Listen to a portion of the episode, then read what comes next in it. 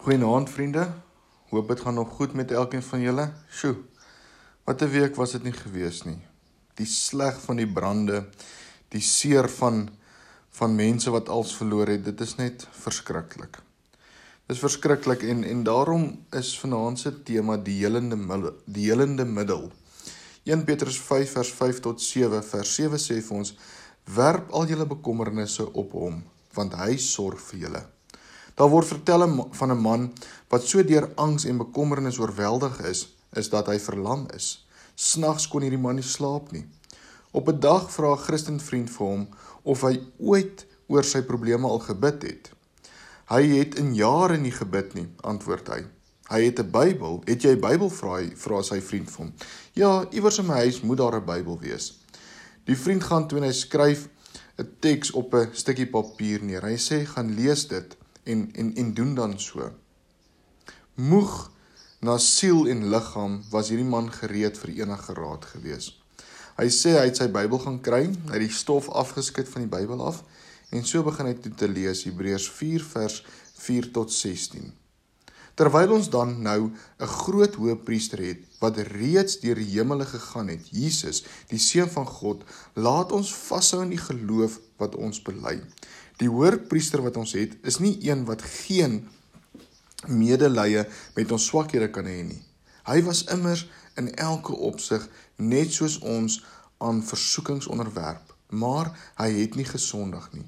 Kom ons gaan dan met vrymoedigheid na die genade troon sodat ons barmhartigheid en genade kan ontvang en so op die regte tyd gered kan word.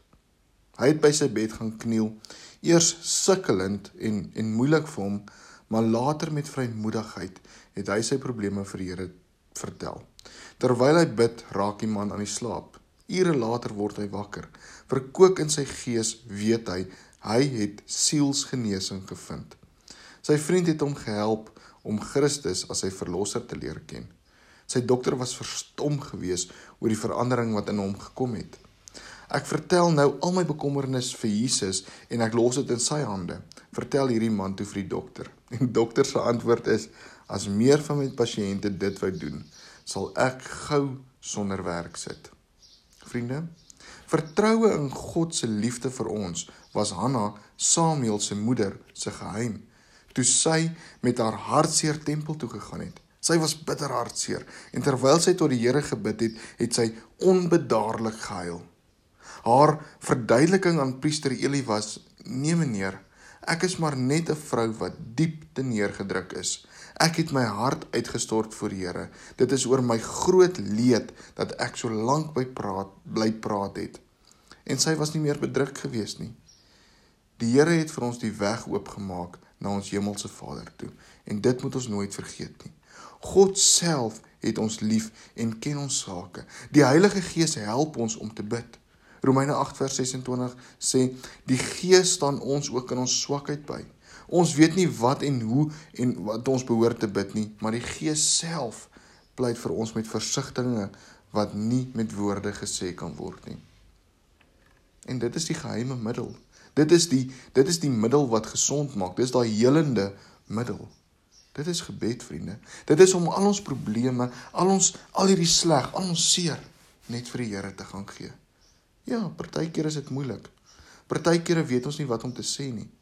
Maar die Bybel sê vir ons die Gees staan ons ook in ons swakheid by.